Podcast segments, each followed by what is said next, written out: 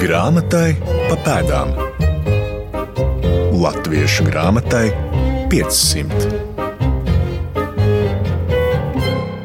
Mēs nevaram parādīt vietu īsti, kur atradās tas Elnāna veikaliņš. Mēs nevaram atrast to veco jēlgavu, un tāpēc mēs nolēmām uzbūrt. Un uzbūrt to atmosfēru tādu, kāda tā ir aprakstīta Ata Freināta grāmatā, kad uh, viņš kā ceļojošais uh, grāmatu tirgotājs ienāk vecajā Alnāna veikaliņā, kur vēl ir pati saimniece, un kura cienā ar tēju un stāsta par grāmatām un par lasītājiem, tātad par to laiku, kad tas veikliņš bija aktīvs. Novada pētniece Andra Pota uzbūra atmosfēru, kāda Jālgavas pilsētas bibliotēkā valdījusi 2023. gada maijā, kad pārvērsta par tēnīcu pie Alunāna Indriķa, lai kaut nedaudz restaurētu laiku pirms 150 gadiem, jo 1873. gadā Jālgavā grāmatveikala ar lasām bibliotēku, kur esot bijušas gandrīz visas latviešu grāmatas, atvēra latviešu tautības izdevējs Heinrichs jeb Indriķis Alunāns. Mēs šodien izsakosim trīs grāmatu izdevēju darbībai 19. gadsimta nogalē, kad gandrīz vienlaikus grāmatniecībā sevi piesaka izdevēji Kārlis Stalbergs Rīgā, Heinrichs Alunāns Jelgavā un Klaus Ukstiņš Liepājā. Mans vārds Laima Slava, un izdevējus palīdzēs iepazīt Jālgavas pilsētas bibliotēkas novadpētniece Andra Pota un Latvijas Nacionālās bibliotēkas vadošais pētnieks Latvijas Universitātes profesors Viesturs Zanders. Izpētes augsta. Pirms aplūkot konkrēto grāmatu izdevēju darbību, Viesturs Zanders sāk ar svarīgu atgādinājumu, proti 19. gadsimta 50. un 60. gados latvieši pakāpeniski un arvien noteiktāk apzinājās ne tikai savas intereses, bet arī pašu spējas un reālos apstākļus savu intelektuālo vajadzību nodrošināšanā. Zināmā mērā mēs esam liecinieki tam, ka mainās lomas tajā uzvedumā, ko varētu saukt par latviešu grāmatniecību, ka latvieši vairs nav tikai kā agrāk galvenokārt vācu baltiešu mācītājs, sagādātājs, lasām vielas patērētāji, bet paši arvien vairāk jaunu tekstu radītāji, producētāji, izplatītāji. Tas gan nenozīmē, ka tie, kas ir dominējoši latviešu grāmatniecībā, tā skaitā aprīnas saistīts ar Latviešu literāro biedrību, uzreiz tā tik strauji savas pozīcijas zaudē un no skatuves noiet. Nē, tā ir tāda ilglaicīga līdzās pastāvēšana. Bet interesanti un, un savā ziņā tā paradoxāli ir tas, ka ja mēs domājam par Latvijas grāmatniecību, poligrāfiskās kultūras, poligrāfiskās rūpniecības aspektā, tad klausītāji jau ir iepazinuši tipogrāfiju aizsākums Rīgā no 1588. gada, Jālgavā tie ir 17. gadsimta 60. gadi, bet Liepājā tas ir vēl laiku vēlāk, 19. gadsimta 20. gados. Tad tagad, 19. gadsimta 60. gados, kad latvieši paši sevi piesaka noteiktāk un latviešu grāmatniecībā kā veidotāji, faktiski viņi ienāk veseli trīs sinhroni. Un šie trīs vīri ir Kārlis Stalbergs, Heinrichs Alunāns un Klāvs Ukstiņš. Viņiem ir daudz kas kopīgs dzīves ceļā, līdzinējā pieredzē, tai pašā laikā netrūkst arī atšķirīgā. Viesturs Zanders sarindojas uz galda grāmatas no triju izdevēju apgādiem. Tie ir tie pāris Henrika Alnāna izdevumi, mēnieku laika pirmizdevums, un tad ir gadu vēlāk izdotā Kaudzītas Matīs sastādītā antoloģijas Maidu un Asars ir dzīvnieku labdienas, un arī viens no samērā daudziem Henrika Halonāna lugu izdevumiem. Šajā gadījumā, protams, arī Adolfa Halonāna viena no, no lugām. Draudzes bazārs. Jā, jā, un tad uh, Kārli Stalbergu šeit pārstāv divi pasaules dramaturgijas klasikas tulkojumi - Bairona Manfrēds un Šilera Valensteins. Un arī Kaspars Piesbārža apcer mūsu valodu, ja viņas rakstība. Un šeit pāris grāmatas, ko liepainieks eh, Klaus Ukstiņš ir izdevis. Ja. Šeit jau pēc būtības, ja neskaita, var būt kā izņēmums mēnieku laikus un, un, un, un šo dzējas antoloģiju. Tās grāmatas ir apjomā nelielas, vai ne? Sāksim ar Kārli Stalbergu tulkotāju, izdevēju un tautas atmodas laikmeta rosīgu dalībnieku. Šoreiz mūs interesē viņa izdevēja darbība un kā varam spriest izdevēja amatu apguvis pakāpeniski. Jo Kārlis Stalbergs varbūt sākdams izdot eh, grāmatas 867. gadā ir ar lielāko līdzinējo, varētu teikt, grāmatnieku pieredzi. Viņš ir apgūlis būtlīdz amatu Jelgavā Stefenhāgena tipogrāfijā un tur arī strādājis. Un Tad, kad izveidojas Rīgas Latviešu biedrība, par ko mēs droši vien runāsim vēl vairāk atsevišķi, tad viņš lielā mērā par biedrības eh, biedru saziedotiem līdzekļiem gūst iespēju kā pirmais latviečs atvērt Rīgā tipogrāfiju un savā apgādā izdot grāmatas, bet eh, visā vismā Kārļa Stalberga kā neatkarīga izdevēja darbības laiks latviešu grāmatniecībā ir samērā īslaicīgs. Grāmatai pa pēdām. Kārlis Stabers, kas ir pirmais latviečs, kuram Rīgā piederēja savu tipogrāfiju. Viena no pirmajām grāmatām, ko viņš laida klajā, bija angļu romantiķa Džordža Bairona dramatiskā poēma Manfreds. Un arī šajā gadījumā viņš ir tulkojis, izmantojot vācu valodas starpniecību, un tas ir arī pamanīts. Un kādā atsauksmē, kas presē ir publicēts, viens no viņa laika biedriem kas nebūtu nav filologs, kas ir, ir, ir Maskavā studējis universitātē tieslietas, viņam nepārprotami mājiņu dod. Es citēšu Jānu Frīdmanu, eh, jo pārcēlums no pārcēluma iznāk daudzreiz pavisam greizi un nesaskan ikvienmēr ar oriģinālīgo, ja pirmo valodu kopā, kas nespēja no oriģināla pārtulkot tam šo darbu nemaz nebūs uzsākti. Tāds diezgan strikts uh, spriedums. Ja. Un, nu, savā ziņā ir jāsaka, ka šajā laikā virkni no latviešu censoņiem varbūt nevienmēr eh, patiešām samēro to, ko viņi vēlas izdarīt, eh, pakalpot, kā veicināt savus eh, tautas izglītošanu, kultūru, ar to, cik viņi var kvalificēti to izdarīt. Vairāk ir tas entuziasms un uh, aizrautība. Un tam, protams, ir savu slavējama nozīme un, un, un vieta procesā, bet nu, kaut kādā mērā uh, arī uh, Kārlis Stalbergs piemērs tas, ka viņš faktiski izdod tikai kādus dažus desmitus grāmatas, bet pēc tam beidz viņa apgādes pastāvēt. Viņš turpina vēl arī Atgriežoties Jāgavā strādāt eh, Edvards Zīslāka tipogrāfijā kopā ar Kasparu Biezbāru izdot eh, laikrakstu Pasauli un daba. Vairākus gadus, 80. gados, arī pašu sastādītu tautas kalendāru, jo tas ir arī viens no izdevuma veidiem, kas eh, tajos gada desmitos iegūst ar vien lielāku izplatību. Nu, tāda ir realitāte. Tā viņa īsā pastāvēšana šajā grāmatā iespiešanā ir komerciāli iemeslu dēļ vai citi? Es domāju, ka tur ir dažādi apstākļu kopums. Gan nepilnībā novērtēts tas, ko laika biedri e, patiešām vēlētos lasīt un, un iegādāties. Es varbūt nepārvērtētu šādas diezgan kodīgas, stingras kritikas iespaidu. Kaut gan nu, arī to droši vien nevar tā pavisam ignorēt. Bet, nu, jebkurā gadījumā Kāls Tābergs ir viens no pirmajiem, nu, kas vismaz mēģina ar, ar šādu sēriju citu tautu rakstnieku uzsākt tādu savu tautiešu sistemātisku iepazīstināšanu ar citu tautu literatūru. Un, ja arī šis mēģinājums izrādās tāds īslaicīgs, nu, tad tomēr tam atsimzot ir kaut kāds zināms iespējas, uz kuru var atspērties tālāk citi cilvēki, citas personības izdevēji turpmākajos gadsimtos. Kārļa Stalberga izdevēja darbība ilgst vien piecus gadus. Viņam ir tipogrāfija, bet grāmatveikala un bibliotēkas nav. Tādas ir abiem pārējiem izdevējiem. Dodos uz Jālgavu, kur Jālgavas pilsētas bibliotēkā tiekos ar novatpētnieci Andru Potu. Andra vispirms par to, kā 150 gadus pēc Alunāna uzbūruši atmosfēru. Mēs lejā pirmajā stāvā bibliotekas pārvērtām vienu savu telpu, izstāžu zāli, par tēnīcu pie Alunāna Indriķa. Mēbeles mēs aizņēmāmies no Alunāna teātra, sienas. Mums bija greznotas ar eh, seno grāmatu titulapu zīmējumiem no mākslas studijas.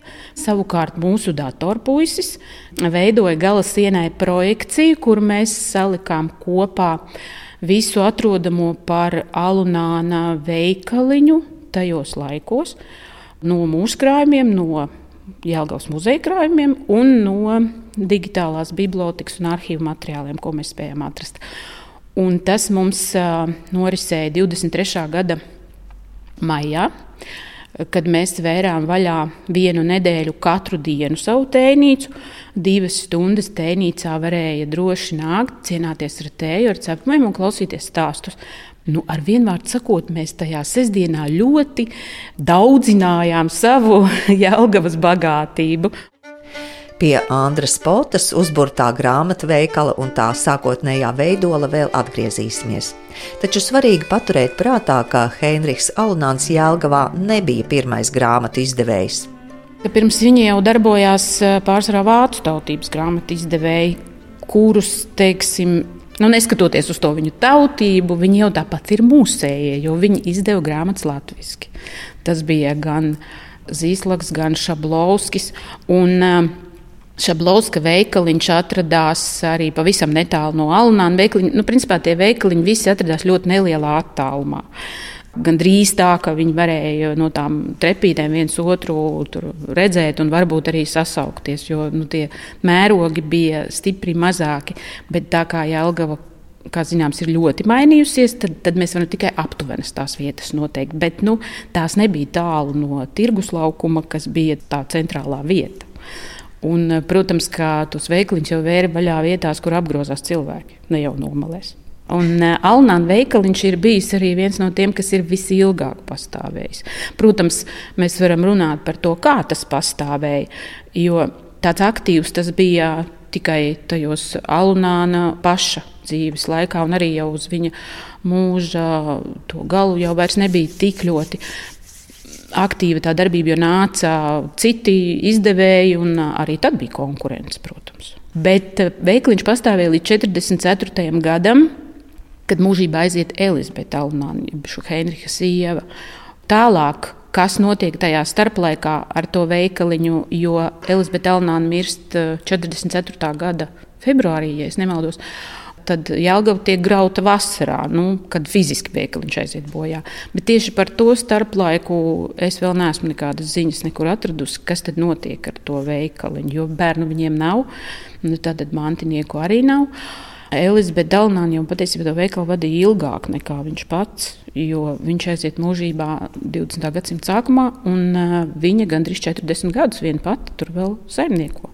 Heinricha Alunāna grāmatveikals atradās Jelgavā, Lielā ielā 21, taču mūsdienās to velti meklēt.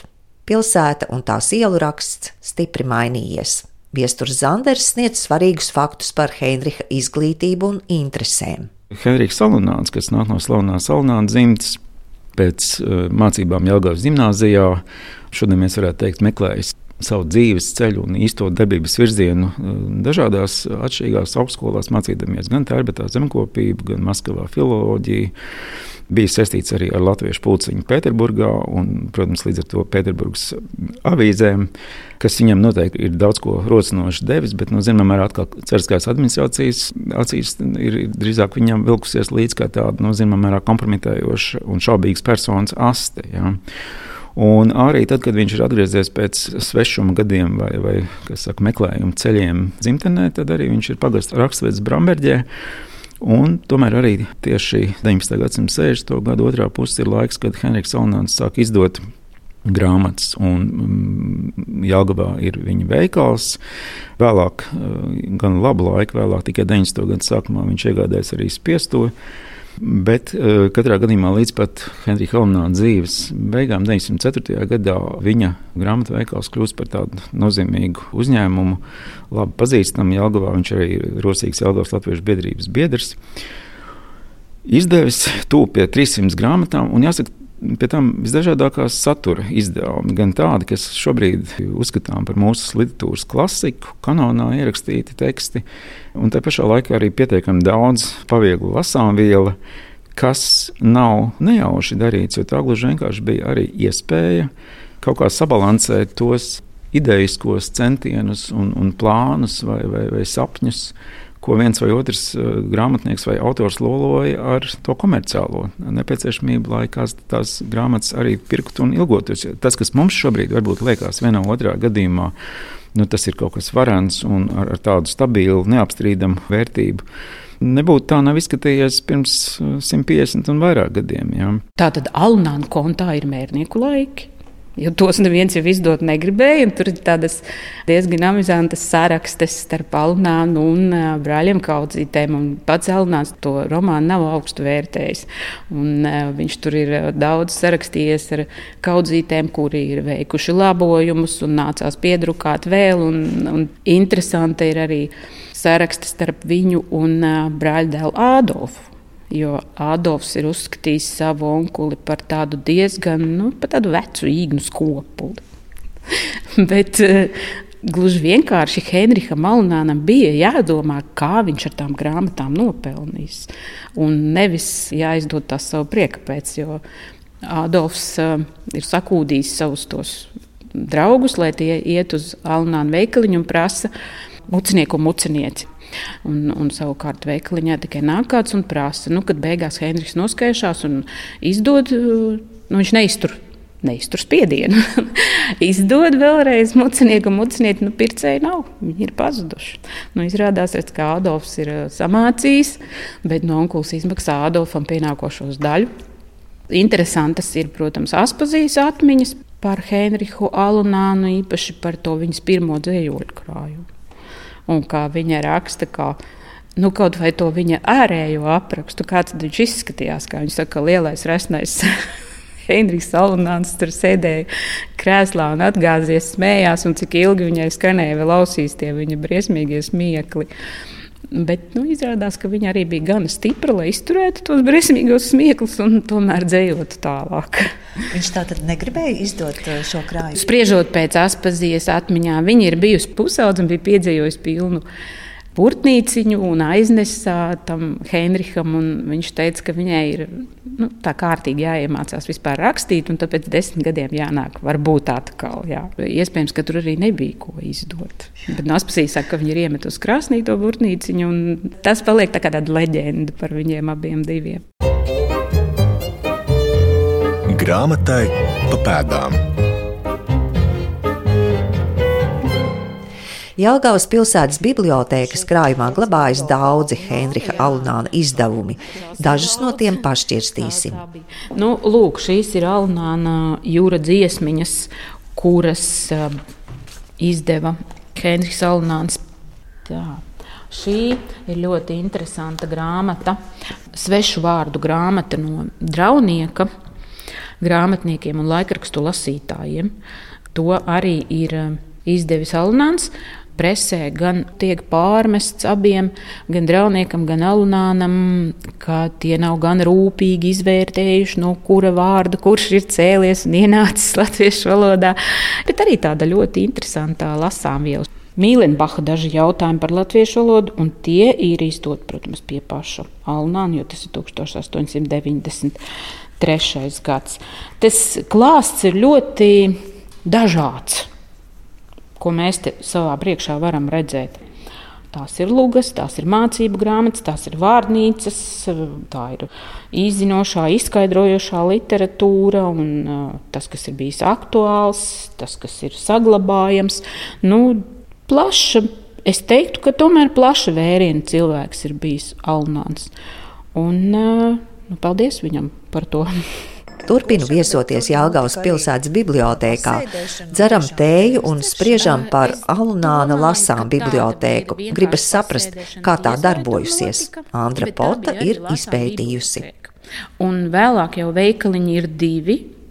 Alunānam, cik var spriest pēc periodikā atrodamām ziņām, tad uh, grāmatas tika izdotas par maksu bibliotekā. Tā maksa bija dažāda, tā kā tādas trīs zonas, gandrīz kā sabiedriskajā transportā. Es tiesa neesmu atšifrējusi, kuri maksāja vairāk, tie, kas dzīvo tālāk, vai tie, kas dzīvo tuvāk.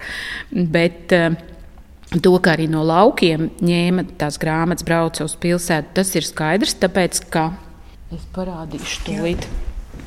Andra rāda sludinājumu, kas liecina, ka grāmatas ņēma un lasīja. Avīzēs, ka pie Staļģenes dzirnieku kroga uz 4. februāri ir trīs grāmatas, kas ir ņemtas no Heinricha Alnāna grāmatu veikaliņa Jelgavā ir pazudušas. Un godīgs atradējs tiek lūgts tās nodot vai nu pie Alnāna kunga Jelgavā, jeb tajā dzirnieku kroga saimniekam. Un paraksts ir Kanberģis, kurš tās grāmatas ir ņēmis un arī pazaudējis. Tā bija tā laika tradīcija pie grāmatu veikala atvērt arī lasām bibliotēku. Nu, tiesa, protams, par samaksu. Nezinu pašlaik pateikt, vai tā samaksa bija liela vai maza tam laikam. tā iemaksa bija gada iemaksa. Un tad tu uz noteiktu laiku varēji paņemt noteiktu grāmatu skaitu kas, protams, bija jādod atpakaļ. Bet uh, viņš nav, protams, sevišķi veiksmīgs uh, nu, biznesā. Mm, laika biedri saka, ka arī tāpēc, ka tās grāmatas bija visa viņa dzīve. Viņš daudz uh, nedomāja ne par to ārējo savu teiksim, greznību vai ko, bet galvenais par tām, nu, par tām grāmatām vairāk. Tomēr. Bet, nu, protams, ka laiks nestāv uz vietas, un arī grāmatas cilvēki arī tajā laikā gribēja lasīt ar vienu. Nu, modernākas, skaistākas.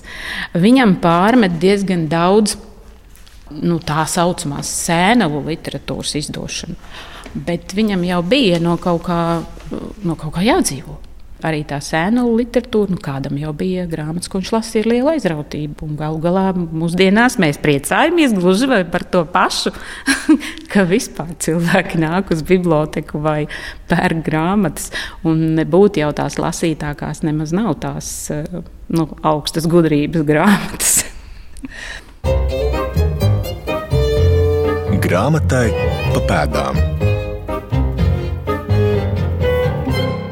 Turpinājumā par izdevēju Klāvu Ukstiņu.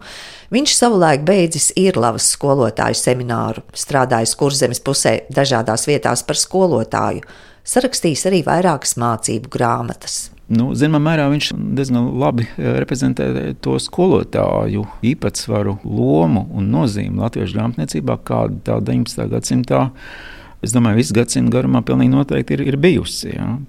Un Ukstīņš gan atver tirgus laukumā grāmatu tirgotāju lasām biblioteku, līdzīgi kā to dara Alnāns Jelgavā.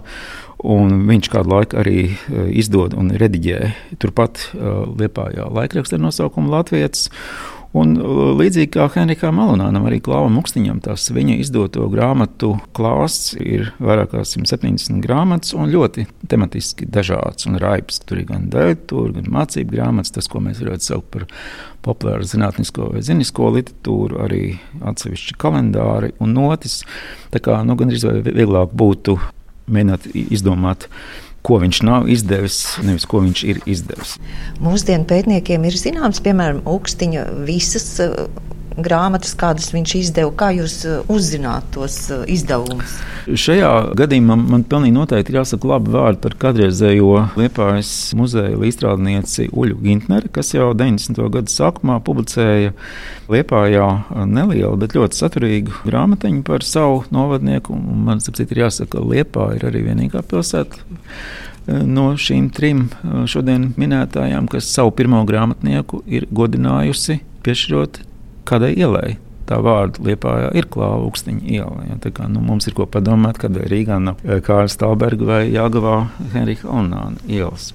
Un, un, protams, tas atbildot uz jūsu jautājumu, vai eh, tur ir eh, pilnīgs klāsts, es domāju, ka absolūti lielākā daļa lausties tur ir iekļauta. Es savā man piedarošā grāmatas eksemplārā esmu šeit ierakstījis to, ko es esmu vēlāk arī pamanījis, jo, jo, jo nu, tas jau kā mm, grāmatniecības, pētniecības darbs ir nebeidzams un, un ne, nekad punkts nav, nav pieliekams. Tā aizvien kaut kas no, no jauna atrodas un, un neviens bibliogrāfiskais eh, radītājs nav izsmeļoši perfekts eh, un, un pilnīgs. Un, un tā tikai liekot arī vairāku mūsu lielo nozīmīgo bibliotēku krājumus, mēs varam saka, iegūt eh, daudz maz eh, ticamu kopējo ainu par šo arī mūsu pirmo grāmatniecības censoņu darbību.